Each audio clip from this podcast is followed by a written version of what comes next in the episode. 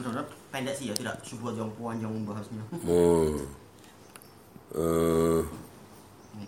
Bismillah, Assalamualaikum akhi. Ini ada titipan pertanyaan tolong ditanyakan kepada Syekh Abu Fairuz Hafizahullah. Nombor satu, mau tanya tentang Ain. Berfoto dengan selfie, foto sendiri, foto ramai-ramai. Apa perbedaannya? Apakah ada dampaknya bagi objek yang ada di foto tersebut dan apa hukumnya foto-foto tersebut?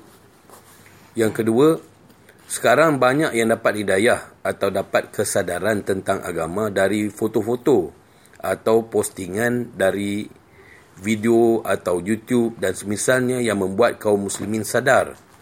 Kerana maraknya sosial media saat ini, bagaimana tanggapannya tentang pemanfaatan sosmed, itu sosial media untuk media dakwah yang bisa menimbulkan hal-hal yang positif untuk orang lain. Jazakallahu khairan. Waalaikumsalam warahmatullahi wabarakatuh wa iyyakum. Allah Subhanahu wa taala menciptakan kita untuk ibadah dan menjadikan kita sebagai khalifah di muka bumi ini. Lalu Allah taala memperhatikan bagaimana kita beramal. Tayyib, Allah taala berfirman, "Mada ajabatumul mursalin?" Bagaimana jawaban kalian kepada para rasul, yaitu kalian taat ataukah kalian itu durhaka? Dan Rasulullah SAW telah bersabda, "Kullu musawwirin finnar wa tuj'alu likulli suratin surataha eh, su, sawwaruha apa itu? Eh, ruhan eh, tu'adzibuhu eh, finnar." Setiap pembuat gambar itu ada di dalam neraka dan dijadikan untuk setiap gambar yang dia buat ruh untuk apa? Untuk kemudian menyiksa dia di dalam neraka itu. Dan Rasulullah juga bersabda, "Inna asyaddan nasi adaban yaumal qiyamah al-musawwirun." Sesungguhnya orang yang paling keras siksaannya di hari kiamat adalah para tukang gambar. Demikian pula Rasulullah sallallahu alaihi la'ana Rasulullah sallallahu alaihi wasallam menyebutkan beberapa perkara kemudian apa? Wal musawwir. Rasulullah melaknat beberapa orang kemudian dan para tukang gambar. Taib. Dan ini umum, terserah gambar dengan berupa rosem yaitu apa? Dengan lukisan tangan ataukah mungkin dengan nahat yaitu dengan pahatan ataupun dengan apa? alat-alat modern dan seterusnya sebagaimana dijelaskan oleh uh, Fadilatul Syekh Al-Imam uh, Soleh bin Abdillah Al-Fauzan hafizahullahu taala. Semuanya adalah satu, semuanya masuk dalam keumuman apa? surah yaitu gambar. Kenapa? Karena hadis-hadisnya bersifat umum dan juga hadis-hadisnya itu sebagiannya datang pola dengan pola syarat sementara lafadznya adalah surah. Nakirah fi syaki syarat tufidul umum. Dia adalah memberikan faedah keumuman. Tayyib. berarti sesuai dengan yang ditanyakan tadi setiap gambar itu akan diberi nyawa untuk menyiksa orang itu. Berarti kalau isinya dua orang tiga orang nah, gambarnya boleh jadi dua orang tiga orang. Nanti berarti apa? Yang menyiksa dia ya ada tiga sosok atau empat sosok tergantung. Nah, kalau yang digambar adalah orang satu juta nah, tinggal lihat nanti Eh, gimana berapa banyak orang yang akan menyiksa dia nanti, berapa gambar yang siap untuk menyiksa dia. Nauzubillah. Semakin banyak maka efeknya akan semakin banyak pula penyiksa-penyiksa yang akan menyiksa dia. Nauzubillah. Dan ini yang disebutkan oleh apa Imam Nawawi. Beliau mengatakan ini adalah minal kabair. Nah, bagi orang yang mengklaim dirinya Syafi'i, ini adalah madhab Syafi'iyah yang mengatakan apa? Ini adalah minal kabair. Dosa besar. Kata Imam Nawawi baik dia itu mujassad ataupun dia laisalahu dzil berbayang-bayang atau tidak punya bayang-bayang. Hukumnya adalah sama karena hadisnya umum dan juga karena Rasulullah bukan hanya marah kepada masalah patung tapi juga masalah gambar-gambar ditirai dan ditirai kata Imam Nawawi tidak punya apa? Tidak punya bayang-bayang, dua dimensi dia. Tayyib.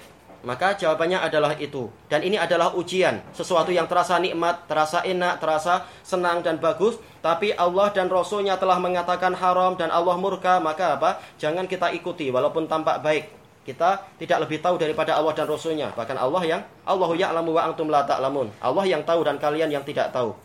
Tayyib. Dan dari sisi yang lain untuk masalah dakwah, kita tanya, apakah betul Anda semangat berdakwah?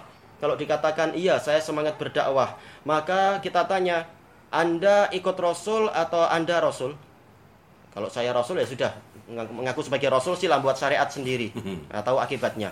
Tapi kalau Anda mengatakan saya ikut Rasul, maka Allah Ta'ala telah berfirman, Qul hadhihi sabili adu ilallah ala basiratin ana wa manittaba'ani. Katakan bahwasanya inilah jalanku. yang aku berdakwah ke jalan Allah di atas basirah yaitu di atas ilmu dan keyakinan dan telah kita tahu apa ilmu yang terkait dengan masalah gambar hukum gambar ana wa manittaba'ani aku dan yang orang yang mengikutiku berarti apa orang yang ikut nabi inilah polanya Rasulullah menyemangati berdakwah dan Rasulullah mengharamkan gambar berarti apa jangan digabungkan antara gambar makhluk bernyawa dengan apa dengan masalah dakwah karena Rasulullah mengatakan dan Allah yang menyuruh untuk mengucapkan itu dalam surat Yusuf itu. Aku dan orang yang ikut aku. Berarti yang ikut Nabi polanya adalah seperti ini.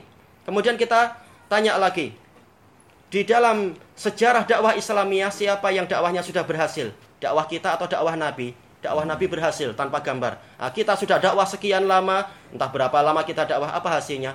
Apakah sudah sehebat dakwah Nabi? Enggak ada, enggak sehebat dan hasil dakwahnya macam apa? Terbentuk khilafah enggak dengan banyaknya gambar di Ikhwanul Muslimin? Enggak ada khilafah apa-apa. Kalaupun terbentuk dengan cara apa? Dengan cara penipuan. Apakah itu khilafah Islamiyah? Katanya menegakkan hukum Islam. Apa hukum Islam tentang masalah ghos dan kadhib? Dosa besar. Katanya menegakkan hukum Islam. Gimana kalian malah melanggar hukum Islam sebelum Islam kalian tegakkan? Yaitu sebelum apa? Eh, sebelum pemerintahan terbentuk. Setelah pemerintahan terbentuk juga tetap kalian nggak menegakkan hukum Islam. Erdogan apa hukum Islam yang telah dia tegakkan? Nggak ada. Demikian pula apa? Hasan At-Turabi yang dulu di mana itu di Sudan. Apa hukum Islam yang telah dia tegakkan? Enggak ada. Demikian pula raja eh, presiden Mesir siapa itu? Misi atau siapa yang jatuh itu? Apa hukum Islam yang telah dia tegakkan setelah dia jadi presiden? Enggak ada. Padahal apa? Sudah banyak gambar yang mereka buat selama apa? Dakwah sejak tahun 1950. Apa hasilnya? Enggak ada hasilnya. Kalau kita ingin dakwah berhasil, ikut dakwah orang-orang yang telah terbukti berhasil yaitu Rasulullah dan para sahabat. Yang dengan dakwah itu apakah dengan gambar mereka berdakwah? Enggak enggak dengan gambar sama sekali. Ternyata apa hasilnya? Berkuasa sampai mana itu? Wilayah barat adalah selat apa itu? Jabal Torik yang setelah itu adalah lautan yang sangat luas raja-raja mana pun enggak enggak berminat untuk berkuasa melebihi itu dan memang enggak mampu kenapa karena lautannya luas dan gelombangnya sangat besar Tayyip. Sehingga apa? Wajar kalau nggak ada yang berkuasa setelah itu di sana.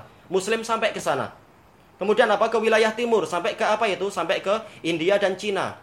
Negara-negara lain nggak mampu menguasai sampai seluas itu. Tayyip. Padahal apa? Para sahabat dan para tabi'in nggak pakai gambar-gambar tadi. Itu hasil dakwahnya. Nah, kita sekarang dengan dakwah ini dan itu dengan ulama dan umarok dan juga para ro'aya dengan berbagai gambar, apakah kekuasaan kita bertambah satu jengkal? Enggak. Bahkan apa tanah kita di, banyak dicuri oleh orang-orang Singapura. Apa hasil dakwahnya? Dengan gambar-gambar tadi enggak ada hasilnya kenyataannya. Kalau tampak faedah, tapi apa? Dosanya telah besar. Telah banyak dosa yang kita miliki. Pahala belum tentu karena apa? Karena riak dengan gambar-gambar itu, ustadznya selfie dan sebagainya. Sementara apa? Dosanya jelas. Tayyib, apa hasil dakwah yang diinginkan setelah itu? Tayyib. Dan masih banyak faktor-faktor bantahan yang layak untuk apa disampaikan tentang masalah ini. Tapi sudah cukup itu tadi.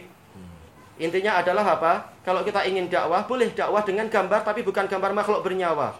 Kalau sekedar ingin memperkenalkan binatang, pergi ke kebun binatang. Apa susahnya? Toh kita juga suka jalan-jalan, sekalian jalan-jalan ke kebun binatang. Tidak perlu pakai gambar ini dan itu. Tayyip. Kalau tujuannya adalah ingin memperkenalkan Quran, boleh. Karena apa? Nggak perlu pakai gambar. Karena yang diinginkan adalah bagaimana cara membaca yang baik, mendengar kiroah yang baik. Nggak perlu kita lihat gambar musyair rosid yang sengaja pakai apa itu? Bukan pakai sorban, tapi pakai apa itu? Pakai sorbannya dibuat tudung, tudungnya dalam bentuk love dan dia senyum. Apa faedah itu? Dakwah macam apa itu? Kita nggak ingin tidak ingin lihat wajah dia, kita ingin apa itu? Faedah kiroah, itu yang penting.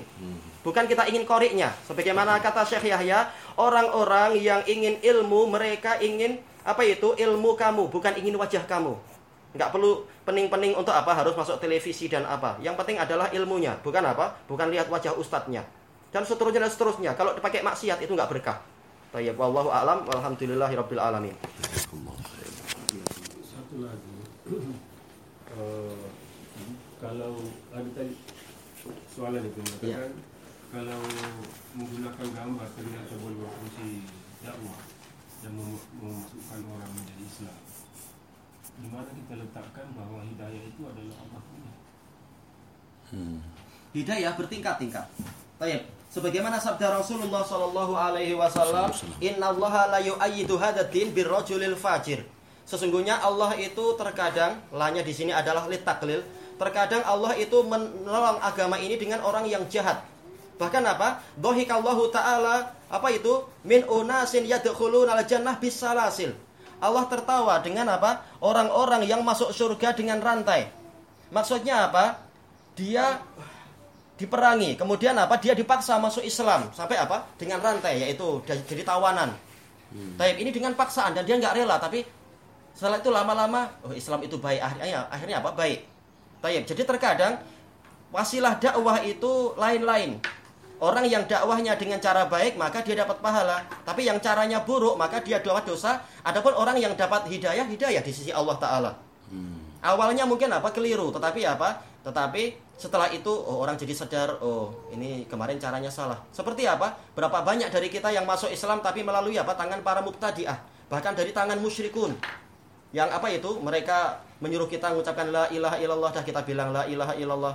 Terus setelah itu apa? Mereka tetap berbuat syirik, tapi kita yang kemudian belajar. Tidak menunjukkan metode mereka betul. Tapi apa? Memang terkadang Allah menakdirkan dengan cara-cara yang keliru. Seperti apa? Seperti sebagian orang mendapatkan harta, tapi dari apa? Dari orang-orang yang pola dakwahnya, pola apa itu sedekahnya seperti Robin Hood dan itu haram. Mencuri hmm. dari dari apa itu orang kaya lalu diberikan ke orang miskin. Orang miskin dapat faedah, tapi apa? Yang berbuat ini dosa. Yang Robin Hoodnya dosa tentunya yang pola-pola macam itu. Mencuri mencuri haram. Tapi apa? Faedah itu ada. Cuma apa? Orang yang dengan cara yang keliru dalam dakwah atau dalam sedekah atau yang lain-lain maka dia dapat dosa. Adapun faedah berapa banyak maksiat yang dia itu tetap ada faedahnya. Yang Allah Ta'ala mengatakan tentang al-khamr wal maisir fihi ismun kabir wa manafi.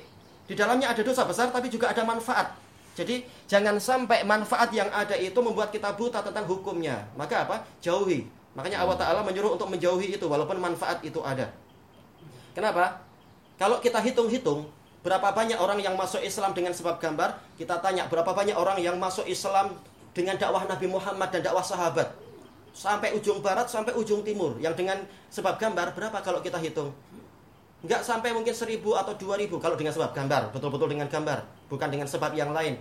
Boleh jadi apa? Dari seribu itu bukan murni karena gambar, tapi karena apa? Dia pulang membawa apa? Membawa Quran dengan terjemah. Dia baca baik-baik, dapat hidayah. Bukan karena gambar. Orang nggak akan mampu mengklaim bahwasanya orang ini murni masuk Islam karena gambar. Kita nggak mampu mengklaim. Hmm. Itu pun kalau kita hitung seribu, seribu dibanding dengan berjuta-juta orang yang masuk Islam di zaman salaf tanpa ada gambar, berapa dibandingkan itu? Baik, dan masih banyak yang lain. Wallahu a'lam. Belum lagi masalah quality, lain kualitinya. Hmm.